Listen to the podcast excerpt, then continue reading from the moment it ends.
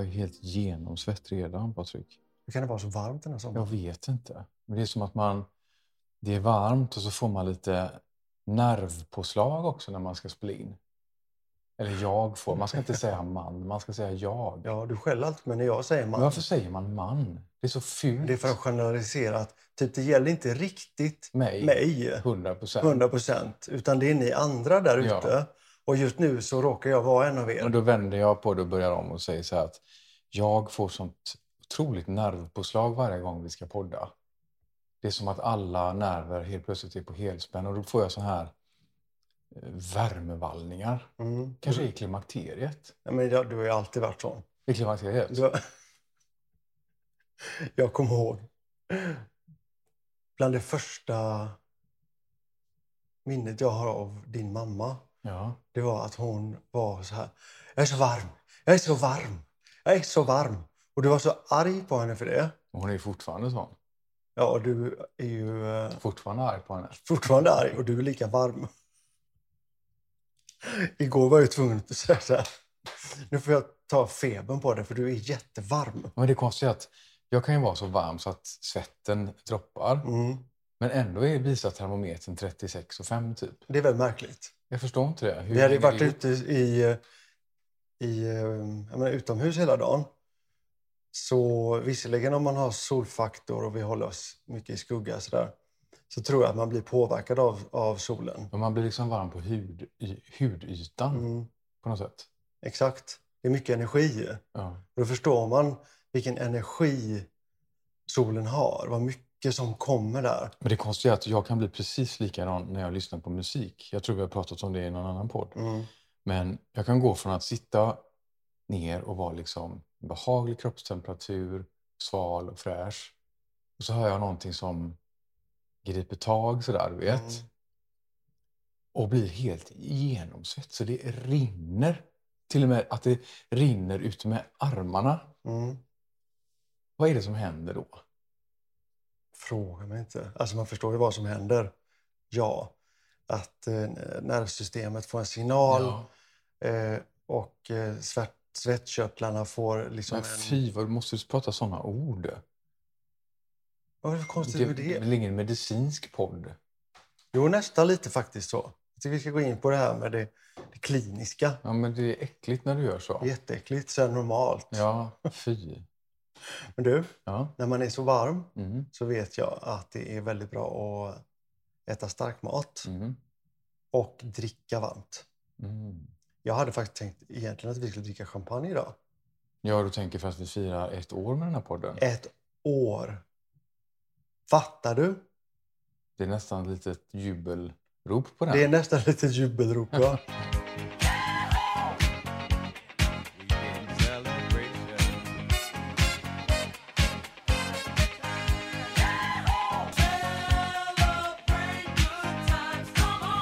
den här midsommarafton så tror jag inte det ska drickas någon mer champagne här på Nej. Nu kände jag också att det faktiskt är bra. Du och jag är lite tråkigt mått, måttfulla. Du tycker att du är måttfull. Ja. Jag tycker att jag är perfekt. ja. Men vi, drack, vi, drick, vi dricker inte champagne nu. Nej, vi dricker ett väldigt, väldigt gott te som du hittade Patrik i Stockholm på Perch var det va? Nej, Sibyllans. Sibyllans, jag blandar ihop de där två. Ja. Som heter Sommarblandning. Mm. Låter kanske inte så jätteroligt men vansinnigt gott. Åh, det är så gott.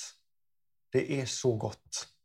Det var så mysigt när jag stod där inne och så botaniserade bland alla teer. Så sa jag att jag vill ha björnbörste. Ge mig något fräscht sa du. Nej, så sa jag inte alls. Det står i manus, ge mig något fräscht. Ja, men det var inte det jag sa till henne. Mhm. Det var det jag skulle säga till dig. Ja. Och tänk att vi faktiskt har manus. Vi ska, vi ska komma till det lite senare. Men då sa jag till henne i alla fall, jag vill ha björnbörste. Och då sa hon, vi har inte det. Och, men det köper vi alltid på Perch för det är det absolut godaste. Jag ville testa deras. Men då sa hon, vi har ett som jag tror du kommer gilla då, som är det här. Så tog hon fram detta. Och jag sa, direkt jag doftade på det, ja. Mm. Det både doftar gott och smakar gott. Jag vet inte riktigt hur man ska beskriva det men man känner verkligen smaken av sommar, smaken av bär. Framförallt tror jag röda bär va? Mm. Men det är inte sött Nej. och det är inte kvalmigt utan det är sådär perfekt friskt. Mm. Jag kan tänka mig att man nog skulle kunna göra ett gott iste på det här. Åh, Om man det måste tar- vi göra någon dag. Om man tar halva mängden Mm. teblad så att det inte blir för starkt och för Just det. mörkt. Så som vi gjorde förra sommaren. Jag tänker att göra ett iste med detta och lite färska jordgubbar. Gott. Jag vet, vi dividerar ju ofta så här, vilken är vår favorit champagne egentligen? Jag glömmer nästan alltid av vilken... det, jag tycker det är lite Ja, det, är olika. bala, det är balanserat på en... Jag tycker alltid du brukar säga att det här är vår favoritchampagne när det är samma märke som den du precis ska ge bort. Så funkar inte riktigt jag. Men nu låter det som att jag är sån där... Jag är konsekvent. Jaha, okej, då ska vi höra. Då. Men jag tror att jag tycker att... Jag tycker inte om Moët, vet jag i alla fall. Nähä. Jag tycker den har, är för brödig och har för lite för stora bubblor. Mm. Jag brukar ha en försmak för vintage-champagne för att där har bubblorna blivit små. Mm. Så att det är lite mer sådär... Det går liksom inte upp i näsan och känns kolsyrat utan det är sådär lite pärligt och spritsigt bara. Mm. Och eh, jag tycker nog att Paul Rocher är ganska bra. Ja, den är god. Och så tycker jag att Boulanger är ganska bra. Boulanger är jättegod. Eh, jag funderar. Deutz, väldigt god tycker jag. Sen tycker jag faktiskt att eh, Hatt och Söner, det Fantastisk. svenska champagnehuset, är väldigt bra. Jätte, jätte, jättegoda Vad tycker champagner. Jag håller med dig. du? Om allt? Eh, Deutz, nej. Nej? Eh, Deutz gillar jag jättemycket. Och sen Hattsöner. Mm. Mums. Sen såklart får man ju inte glömma att nämna Dom Perignon. Oj, jag vet ju vilken eh, mer jag gillar. Mhm. Eh, den är jättegod. Åh, jag vet precis, jag vet precis, jag vet precis. Vår nyans. Den ska jag ta. Nej, den ska jag ta Nej, nu. den ska jag ta. Den Men varför heter, glömde jag vad den heter? Den heter Ruinart. Ruinart. Jag, Jag sa det Ja, men först. jag kom på den. Fast har det så mycket med smaken att göra? Det kanske har mer med... Nej, men det vet du vad? Det har med smaken att göra. För när vi tog det glaset, Eva köpte den nere i Frankrike. Hon köpte för- en flaska till mig när jag fyllde år. Ja, och etiketten hade exakt den färgen som vi älskar, en taupe-nyans som vi ska ha på våra nya produkter. Just det. Och så drack vi det här och den var perfekt kyld. Den var inte för kall. Och eh, allt var liksom perfekt. Och då kände jag bara, men det här var en riktig tia. Mm.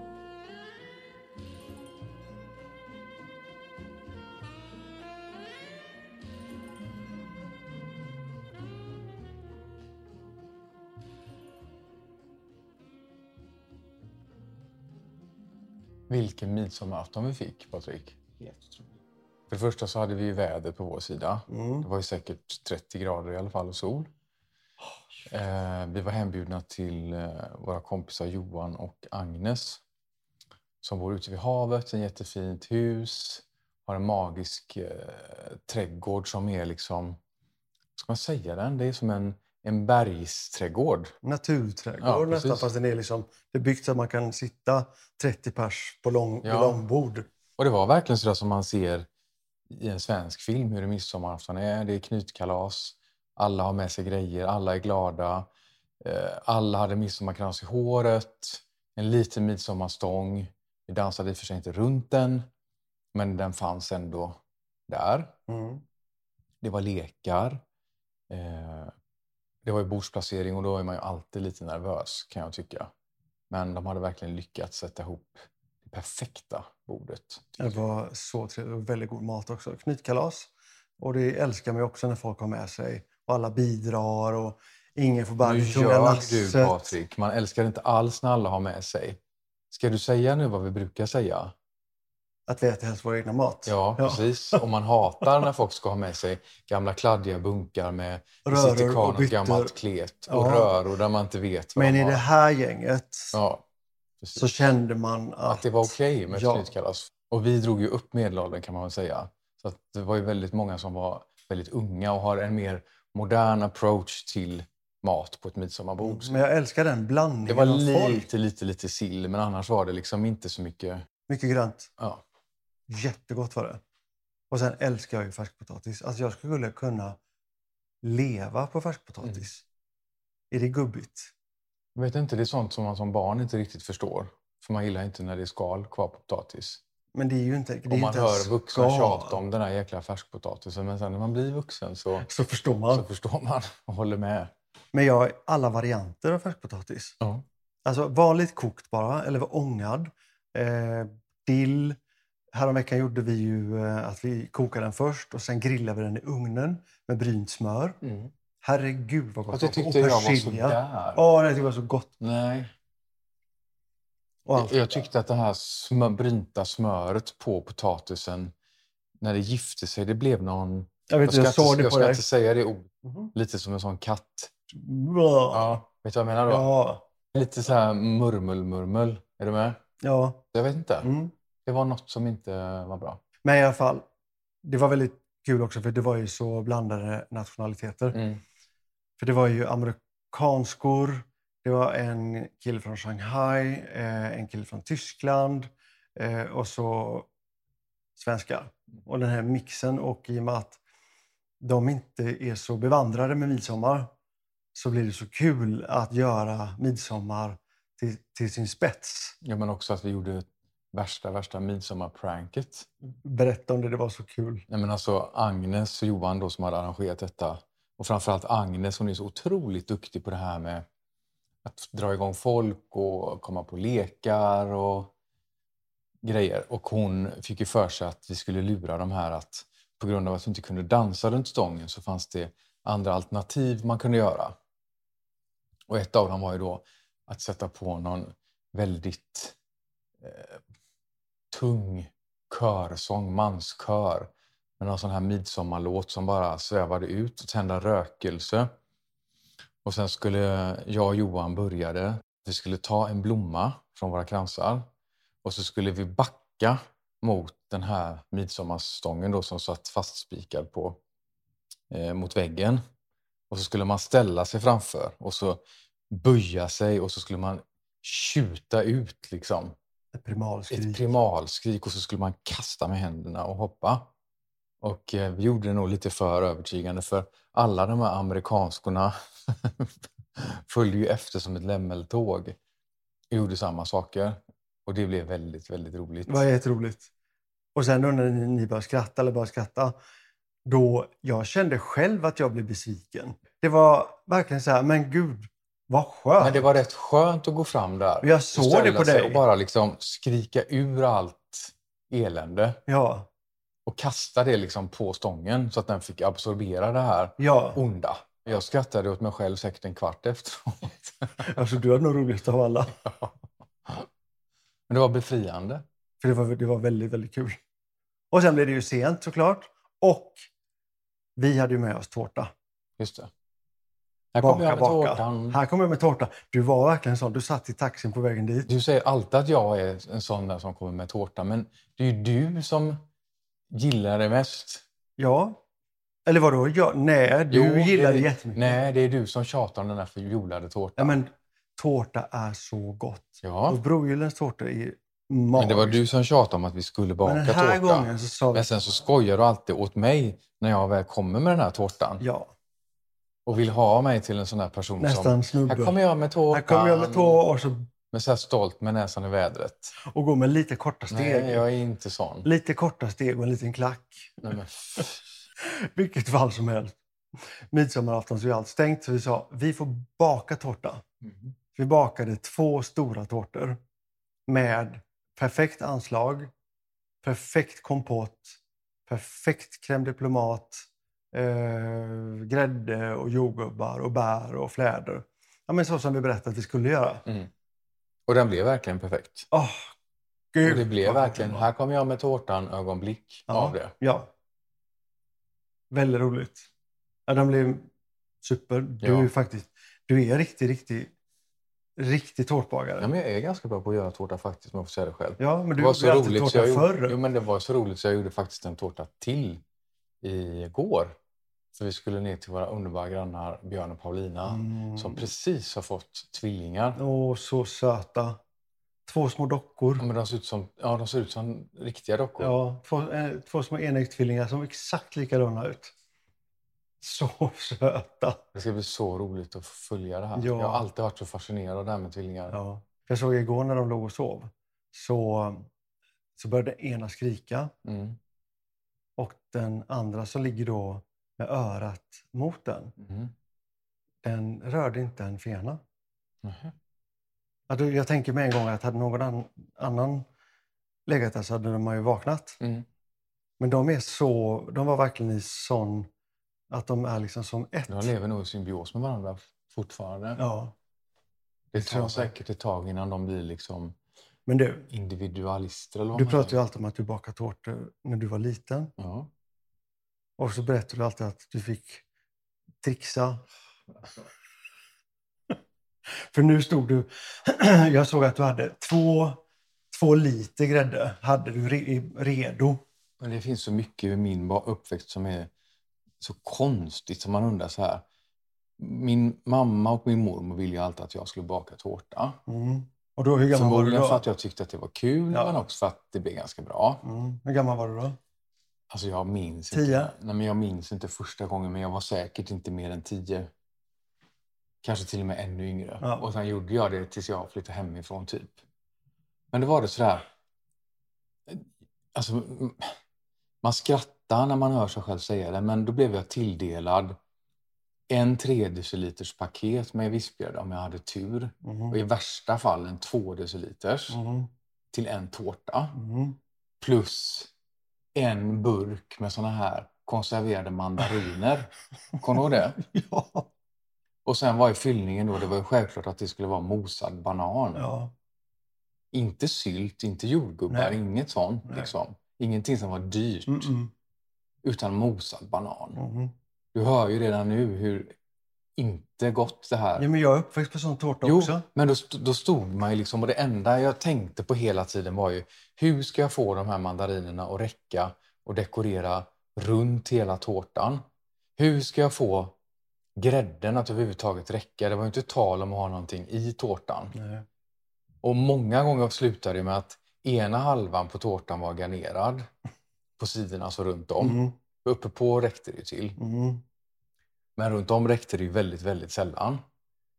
Och man hade stått och strukit så många gånger så att det hade nästan blivit lite smörigt också. Oh, jag fattar. För att man kunde inte göra så här fluffigt Nej. liksom. Utan man var tvungen att, varenda millimeter var ju värdefull. Mm.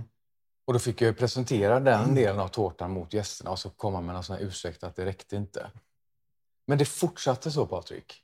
Hela tiden. Det var inte som att nästa gång, nej men vi får nog ha två paket grädde. Eller Nej. vi får nog ha två burkar Det ska vara ett paket. Utan det var samma visa varenda gång.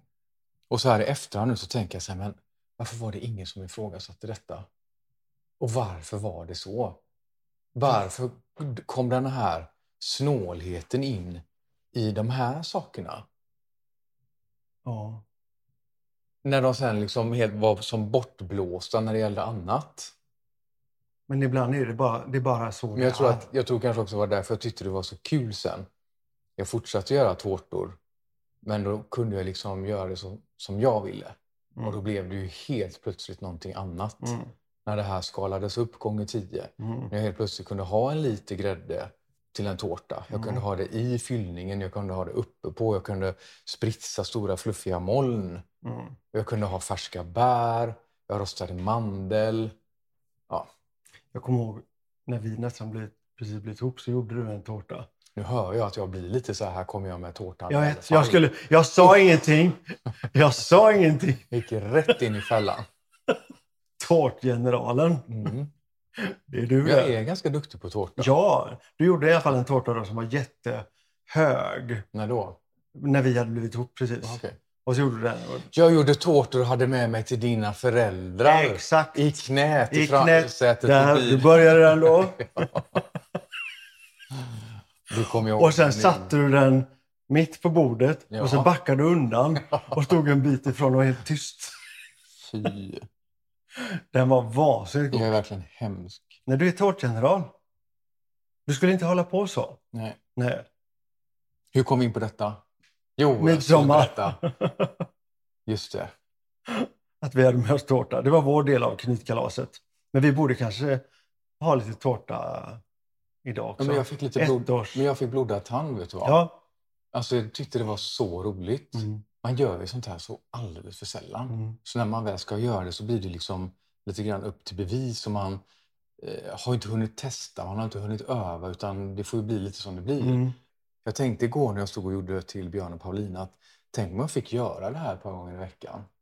Då, blir, då blir man bra. Vad, vad fint det skulle bli till slut. Men det är precis som vi Men- pratar men om att lära- allting. Jag menar att lära sig att veta exakt när grädden är färdigvispad det är ju jättesvårt om Ja, man det- inte tränar mycket. Ja. För Med antingen är den ugnen. för lös eller så är den för hårdvispad. Ja. Och hellre i så fall för lös. Ja, Och ugnen med de här tårtbottnarna Exakt. och eh, vilken man ska köra på alla de här recepten som finns. men precis. Men jag tycker man kommer tillbaka till det som vi alltid pratar om. Att ska man bli bra på någonting så måste man träna. Men varför tror man ibland att det är, eh, är ett undantag? Ja, men därför är det så här, om vi landar tillbaks till vårt huvudämne då, om man tänker hår och makeup till Mm. exempel. Så tror ju en del att de ska på, de ska på en fest Mm. och så tänker de samma dag, nu ska jag göra världens makeup. Jag har varit och köpt nya ögonskuggor. Herregud. Jag har köpt nytt läppstift, jag har en ny mascara. Och ska de stå och göra det samma dag? Det går inte. Men det är lite som med tårtan. Det är precis som man med har inte tårtan. bakat en tårta på fem och helt plötsligt ska man baka Ja. en. Och så blir man besviken på sig själv för att tårtbotten kanske inte blev som den skulle eller grädden är för hårt vispad eller eh, kompotten man har kokat inte räcker. Men det är Ja, väl inte konstigt, inte konstigt. egentligen? Man måste träna på det. Ja. Det är precis som, som med makeup och med hår. Alltså ska man få till håret riktigt bra så måste man göra det Ja. ett par gånger. Alltså det är samma med, med ett hår som en tårta egentligen. Exakt. Att du måste, först måste du bygga en bas. Ja. Du måste veta hur du vill att slutresultatet ska se ut innan du sätter igång. Ja. För att förstå vilken typ av ingredienser eller produkter du behöver Mm. använda och så vidare. Och så vidare. Alltså man kan ju, vet man hur man gör en sak så kan man egentligen applicera det på väldigt mycket. ja, och det är därför det är många frisörer skojar om det. När man ska göra en riktigt, riktigt maffig uppsättning. Mm. Så säger man jag ska, bygga, jag ska göra en tårta. Ja, ska bygga en tårta. exakt. Och så är det så här, bygga upp allting och sen dekorera. Ja. Och sen på med rosen. Jag tänkte på det häromdagen när någon sa någonting, skrev på Instagram om den här tårtan. Ja, det är väl klart att du är duktig på det också. Så det inte var konstigt, det är väl inte alls klart. Men då inser man att om man är, har den läggningen Mm. så kanske det är som så att Mm. man är rätt duktig på mycket praktiska saker. Ja, men just det här att våga hålla i ett material, våga använda det, våga forma det och sen bygga, alltså bygga en bas. För har jag en bra bas så kan jag egentligen göra vad som helst. Ja. Men kanske också när man ser någonting färdigt Ja. förstå hur det är uppbyggt Ja. för att sen kunna göra det själv. Ja. Jag kan, vi, land, alltså vi kommer ofta tillbaka till det här hur man lär sig saker. Mm. Jag förstår att när jag läser saker så går det inte in i mitt huvud, men när jag ser saker så fastnar det pang. Mm. Så att sitta på Youtube och leta upp saker och se och eh, alltså jag snabbt får in, fattar jag med en gång. Men vi gör det alldeles för sällan egentligen. Mm. Du, du tänker att vi gör det mycket för att vi sitter på kvällarna. När vi har tittat klart på den där serien vi tittar på Ja. så brukar vi ta en, två, tre låtar. Men det är oftast samma låtar. Men då tänker vi att vi youtubar mycket. Men det gör vi ju egentligen inte. Tänk att ge sig själv tillåtelse att ha på arbetstid Mm. en halv dag i veckan Mm. där man bara sitter och förkovrar sig. Mm. Alltså där man sitter och söker på allt mellan himmel och jord som Mm. man tror sig ha nytta av på något sätt i en kreativ process eller vad det kan vara. Eller för att lära sig någonting nytt. Det är jättebra. Det gör ju egentligen vi väldigt sällan. Ja, alldeles för lite. Jag gjorde det nu en period ganska frekvent med att eh, jag tittade just på ljussättning. Och han berättade hur han lärde sig att ljussätta. Mhm. Och det var genom att studera gamla konstnärer.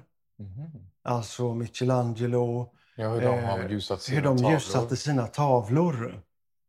För det var, det var precis det de gjorde Mm. för att få eh, djupet. Och det är det vi jobbar med idag, fast vi har ju artificiellt ljus Mm. istället. Jättekul. Det är precis så som vi jobbar med makeup. Men det är det som är så lustigt när man gör en makeup för eh, tv som väldigt ofta det handlar om när jag gör makeup Ja. eller har gjort tillbaka till tiden i Mm. alla fall. Så bygger det på att man innan de står på scen Mm. eller i studion att man vet hur ljuset kommer falla på Mm. dem.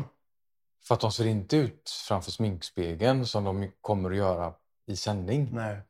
Och det är den kunskapen man behöver ha. Ja. Jag behöver veta att okej, nu ser det här ut så här. Men när hon eller han går in i bild Mm. så kommer det ut så här. Mm. Och det absolut bästa rådet man kan ge här nu om man ska ge ett litet tips, det är faktiskt att se till att sminka sig framför ett eh, fönster med dagsljus. Mm. Och gärna när det är lite så här Ja, det får inte vara soligt. disigt ute, Ja. Mm. så att det liksom är en grå himmel. Du landar väl ljusstyrkan på 6000 tror jag. Jag har ingen aning. Jag kan Jo, jag tror det landar på 6000. Så att det är väldigt... Det är därför man vet att dagsljus... Man kan tycka att det är lite, lite skumt. Men förstår man vil- vilken styrka det är i dagsljuset? Mm. Så, för man Fast tänker... jag tycker inte att det är skumt. Jag tycker det är, det är fantastiskt. Ja, men, då- men jag menar inte så. Jag menar bara att det är starkare än vad man tror.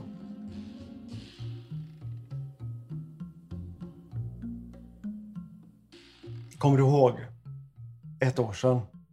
Ja, jag kommer ihåg för ett år sedan. Ja. Var du nervös innan?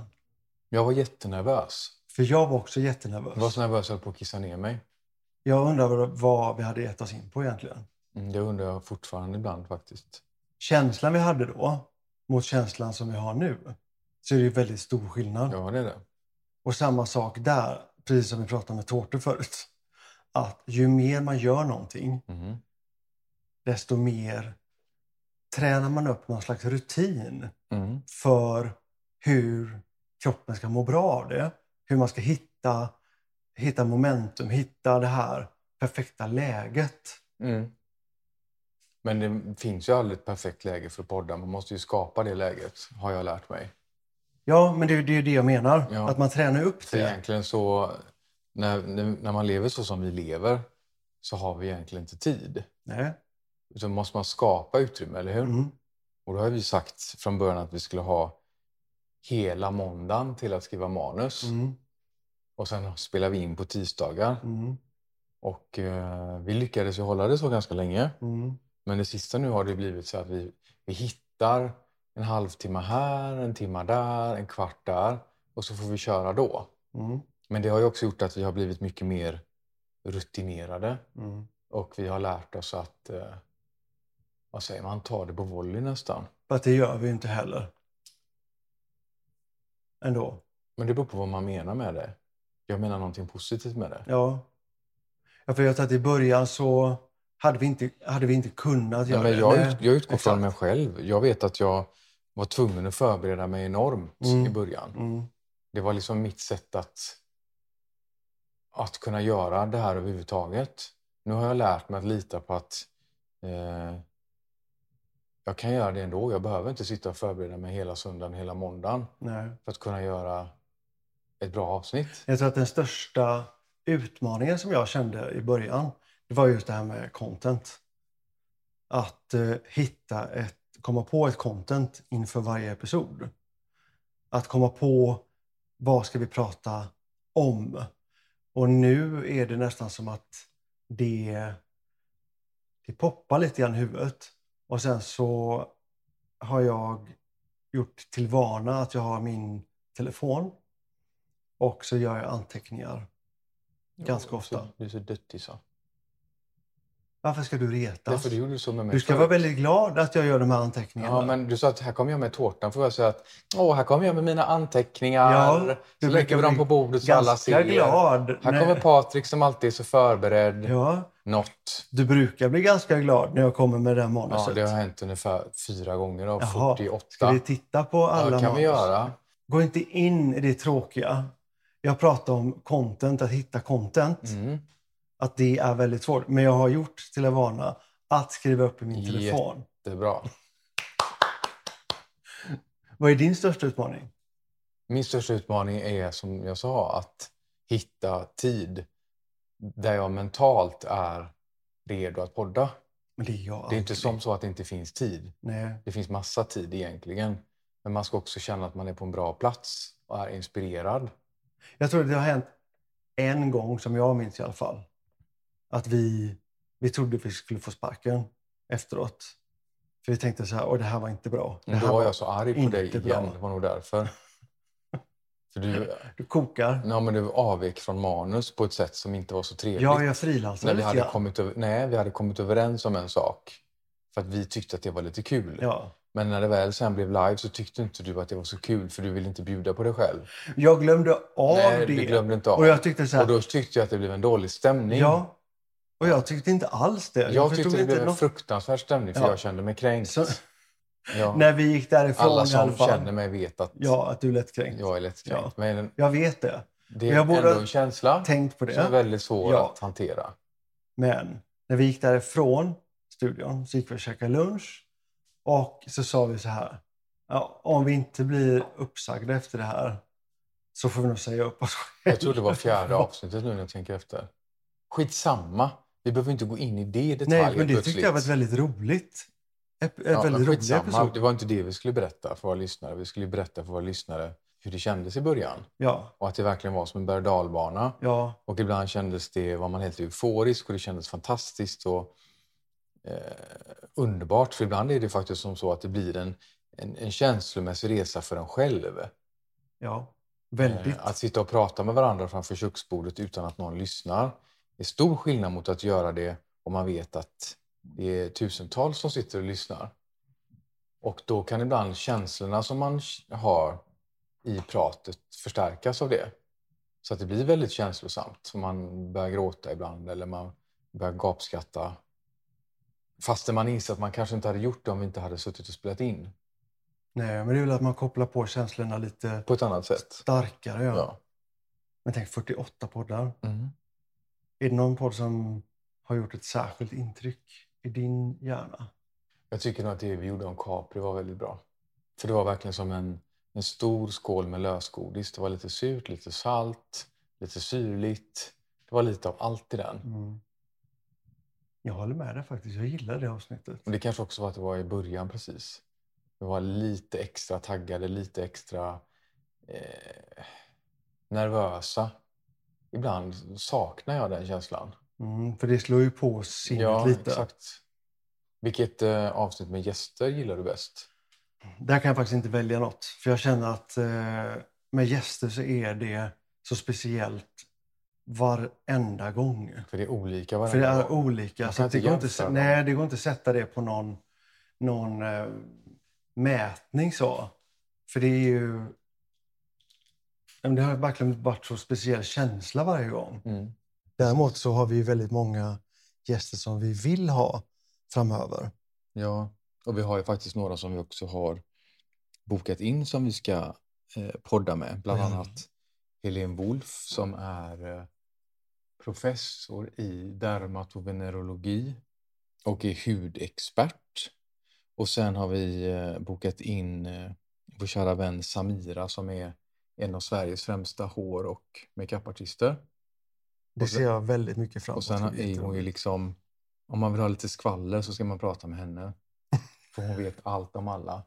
Sen får vi se hur mycket skvaller vi... Alltså vi lämnar ju aldrig ut Nej, jag någonting. vet. Vi gör ju faktiskt inte heller det. Aldrig. Skulle aldrig göra det heller. Men det kanske kan bli lite smussel och smask ändå. Ja, vi ska nog lura ut något tror jag. Ja, och sen så ska vi ju faktiskt livepodda förhoppningsvis i höst. Eh, tillsammans med eh, S-Group som har några av Sveriges finaste resorts och hotell. Och där tänker vi så här att vi ska ha typ som små klubb eller barspelningar nästan. Om Ja. man tänker så här att det är kanske 100 pers. Och nej, ska du klä ut dig till här rockstjärna då? Jag ska inte in- klä ut mig till någon rockstjärna. Jo, jag ser. Åh nej, jag vet precis vad jag ska behöva gå igenom nu. Åh nej. Ska du vara, Ah. ska du vara Py Bäckman? Jag ska vara mig själv. Men det ska bli väldigt kul. Så jag hoppas ni som lyssnar har lust att komma och lyssna på oss när vi kör det här live. Och eh, vi kommer göra det i Stockholm och i Göteborg. Vi får se. Vi får se. Ja, Ni får gärna komma med lite input. Men då blir det i alla fall på typ Ellery, Ellery Beach House, heter det va? ja det är det nog. va? Och eh, Ellery Beach Resort tror jag. ja, just det. Pigalle, Jaycees eh, och kanske MJ i Malmö om vi kör Malmö också. Vi får se. Det beror på er respons såklart. Vi började ju det här som ett experiment mer eller mindre Mm. och skulle ju prata skönhet ur ett mer filosofiskt perspektiv. Just det. Och eh, jag känner att det är så skönt att kunna alltså väldigt öppet och fritt få prata om våra tankar och känslor. Ja, men säger man att man ska prata om skönhet så har man gjort det lätt för sig. För då kan man faktiskt egentligen prata om precis allt. Mm. För skönhet finns att finna i allt. Vare sig det är fysiska ting eller osynliga saker som våra tankar och våra känslor. För allt som vi omger oss med, Mm. det är ju det som påverkar oss hur vi mår. Ja, men det var ju Och det hur vi som mår. gjorde att vi gick med på det här. För hade någon sagt så att vi vill att ni gör en podd där ni ska ge skönhetstips, Mm. då hade jag bestämt men vänligt tackat nej. Mm. Men däremot att sitta som vi gör och ha filosofiska tankar om högt och lågt, där skönheten är liksom huvudpersonen. Mm. Det tycker jag är intressant. Det är spännande. Det är lärorikt för oss också. Det är som att sitta hos den bästa av de bästa samtalsterapeuterna nästan, tycker jag. Du menar att sitta med dig själv och Ja, prata? ja. Men faktiskt. Ja, men jag förstår vad du menar, för jag känner exakt likadant. Och sen eh, så får vi ju faktiskt väldigt mycket feedback från alla er som lyssnar. Och det som, ja, men det som jag känner är det roligaste att höra, det är ju att folk säger, men gud vad skönt att höra att, att jag inte är så knäpp själv. Mm. Vi är väldigt många i den här världen som delar lite udda tankar, lite, lite djupare tankar. Mm. Förståelse för att det faktiskt berör väldigt mycket. Mm. Så alla era DM som ni skickar till oss, vi samlar verkligen på dem. Det är så roligt också för att många av de DM vi får handlar om att man känner någon form av igenkännande. Mm. Och jag kan ju inte annat än att säga samma sak. För de breven vi får, där känner jag ju också ett igenkännande. Precis. Man känner nästan med en gång att men det här är en person som jag lätt skulle kunna sitta tre timmar på tåget upp till Stockholm med utan Mm. att det kändes konstigt. Ja. Med personer man inte känner som bara har skrivit ett meddelande. ja, men Men man särskilt, hör det och känner det på tonen på något sätt. Du sa det här om, om vi hade fått frågan att, att ha en, en skönhetspodd. Mm. Jag vet inte riktigt när Paul på Play, som gör våran podd, när de frågade oss, undrar vad, de, undrar vad det var de tänkte egentligen då? De tänkte säkert en skönhetspodd. Ja, Att det, tror där fanns en liten en tårtbit där liksom, som saknades på något sätt. Men sen så gillar jag att så fort vi sa att okej, men om vi ska göra det så vill vi göra den på vårt sätt. Och kanske med lite mer filosofisk inriktning. Annat än att det bara handlar liksom om, om skönhet sett ur det perspektivet som en, en, eh, vad ska man säga, en skönhetstidning eller Mm, ett sminkmärke väljer att kommunicera på. mm. Så gillade de ju den idén med en gång. Ja, för det är lite udda. Det fick de också gå Mm. igång. Och det förtroendet vi fick där tycker jag känns, det känns jättefint. Ja. Men det här är verkligen en, en, en värld som för ett år sedan så visste inte vi att den här skulle öppna sig så för oss Nej, och bli en del av oss. nej. Och att vi längtar till varje vecka att vi ska faktiskt få ha vår timma och prata. Mm. Ja, jag får infall varje dag eller varje vecka på nya ämnen som jag skulle prata om. Eh, samtal som jag skulle vilja ha med dig och med andra i det här formatet. Jag tror att vi fortfarande bara är inne, i, inne på starten på någonting som kan bli väldigt, väldigt bra. Jag känner också det. Alltså vi, vi har ju pratat i, i 27 år. Mm. Så varför skulle våra samtalsämnen ta slut efter ett år? Exakt. Det öppnar sig bara, precis som du säger, nya dörrar. Och jag vet, det är ungefär som, ja, men vissa dagar tänker jag så här, ja, där gick dörren igen, ja men då får vi väl öppna ett fönster då. Mm. Och så får vi hoppa ut genom det och springa vidare. Min utmaning i detta är bara att varje dag som sagt så kommer jag på saker jag vill prata om eller eh, en dialog som jag skulle vilja upprepa med dig. Men jag glömmer ju skriva ner dem. För jag tänker att "Nej, men det här var så stort eller det här var så självklart att det kommer jag komma ihåg. Och så gör man inte det. Och när ska jag lära mig att jag måste skriva ner? Jag vet inte Mattias, men jag håller bara med dig. För jag tänker också så. Världens bästa idé, den kommer jag aldrig glömma av. Två minuter senare Så är den borta? så den borta. Jag vet. Och jag har faktiskt blivit bättre på att skriva ner. Men jag har ju också tio års försprång före dig. Så att jag ligger ju lite före. Mm. Så att du har en liten bit kvar innan du... Därför ska du vara snällare mot mig, Patrik. Jag är jättesnäll Nej, mot dig. Ja, nu ja. När du har lugnat dig lite. Igår var du inte så snäll. Ja, men du kastar ju teburkar i köket. Jag kastar inte teburkar. Jag skulle städa och göra fint. Och råkade göra någonting som jag väldigt sällan gör om jag får säga det själv. Men jag råkade sjabbla till det. Så jag tappade en jättevacker svensk tenn-teburk. Full med nyinköpt te som Patrik har släpat hem från Stockholm. På våran diskbänk. Så att det blev en buckla i burken och det låg 200 gram te på bänken. Och detta parallellt med att vi lagar mat och bakar tårta för vi ska ner till våra grannar och fira att de har Och jag var tvillingar. jättehungrig Ja, dessutom. men hur betedde du dig då tyckte du? Jag höjde rösten. Ja, jo, då Ja. sa jag det jag brukar säga till du ska inte ha barn i alla fall. Nej. För de hade fått trauman. Ja. Och du ska inte städa när du är, är flam, flamsig med armarna. Jag var inte flamsig, jag var... kökskranen kom liksom i vägen så jag tappade den. vad? Det var väldigt mänskligt. Mm. Men och tänk, det är också ja, men mänskligt. tänk om du hade sagt då, lagt en hand på min axel, det är okej Mattias, det är lugnt, vi löser det här. Vet du vad? Hetsa inte upp dig. Vet Istället vad? betedde du dig sådär, typ såhär, ah, var det där nödvändigt? Men ibland känner jag också så här. Att du också kan få vara människa. Tack, nu sa du det. Men hur, hur, vad tycker du om en människa som tänker så om sig själv? Jätteäckligt. Att ibland kan jag också få Ja, vara kan människa. jag få vara- kan jag vad bara är, få vad vara är du annars då när du inte är människa? Svara på det. Människa. Gudalik då eller? Gud vad du håller på. Ja, men det är intressant att analysera hur du tänker. Ja, nej. Att då kanske man eh, inte gudalik, absolut inte. Men man kanske är lite för kontrollerad och att ibland släpper man på den kontrollen. Men... Nu höjde jag... Jag fick inte ihop det där riktigt. Hörde du vad jag gjorde? Jag, Jag sa du- men och så höjde jag Så fingret. hötte du med fingret mot Nej, inte hutte, jag höjde fingret bara så. Ja, ja. Jag själv har väldigt svårt för människor som höjer rösten. Jag älskar folk som höjer orden. Som, stark, som ett starkt ord. ja, men du Men höjde kan inte rösten, lugnt. det var bara din attityd som var vedervärdig. Ja, men det var, jag höjde rösten. Mm. Tror du att jag var glad för att jag gjorde en, en buckla en burk för Nej. 5 000 kronor och tappade två hektar te för 300? Nej. Men däremot så tycker jag våran samling med teburkar med te är något jag är väldigt, väldigt stolt över. Ja, men det behövs Jag också gås inte- igenom. vill helst inte ha bucklor på dem. Nej, men jag får väl köpa en ny. Nej, den, nu fick den lite patina. Ja, du kommer komma ihåg den lilla bucklan. Ja. Och ett litet köksgräl sådär en söndagkväll. Ja, Som är lite så här... Det brusar upp lite. ja det var inte lika Vad var det din psykolog sa en gång?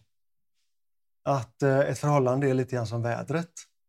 Att ibland stormar det, ibland så regnar det, ibland så är det sol. det låter alldeles för klyschigt för att vara sagt av henne. Var det, det någonting jag hittar på bara? Jag tror du hittar på det för något som du skulle kunna säga. Nej, men då har jag nog läst det på någon... Nej, det var ju din spåtant som sa det. Ja, det var min spåtant som sa Så var det. Ja, Anette. Vem är det som är flummig nu av oss två? Åh, men jag gillar henne jättemycket. Ja. Hon kunde hutta med fingret. Åh, herregud alltså. Men i alla fall, vi kan ju faktiskt med eh, ett år i bagaget då faktiskt eh, inspirera andra att eh, kanske inte börja podda, men att eh, prata mer. Ja, och att våga Och, öppna sig mer. Och våga inte vara så rädda för djupet. nej. Och inte vara så rädda för mörkret. och även kanske till och med våga sig på en ny frisyr. Ja. Våga på en, en ny makeup. Att inse att livet är här och nu. Det är jättekort. Det är ingen generalrepetition här. Nej. Utan det är verkligen nu. Och vad är det värsta som kan hända egentligen? Ja, men det är väl då att man står där själv, men bara man mår bra med sig själv så är väl det helt okej. Mm. Tror att det, det är väl det som är det stora syftet egentligen för oss med den här podden. Att inspirera och motivera oss själva och våra medmänniskor att våga mer, våga vara sig själva, ta för sig, visa på utsidan vem man är på insidan och vice versa. Det är inte ytligt med utsida och det är behöver inte heller vara för djupt att man pratar insida, utan det hänger faktiskt ihop. Så eh, tack så jättemycket för att ni har lyssnat idag på Beauty Distilled och hoppas att ni fortsätter sätta stjärnor överallt där ni kan lyssna så att vi får fortsätta att podda minst ett år till. Och för er som vill lära känna oss lite mer, nu tog jag en klunk te däremellan, det kanske ni hörde, så kan ni gå in på Lernberg Stafsing, Patrik Lernberger och Mattias Stafsing på Instagram. Tack för att ni lyssnade. Ha en underbar sommar. Hej då. Hej då.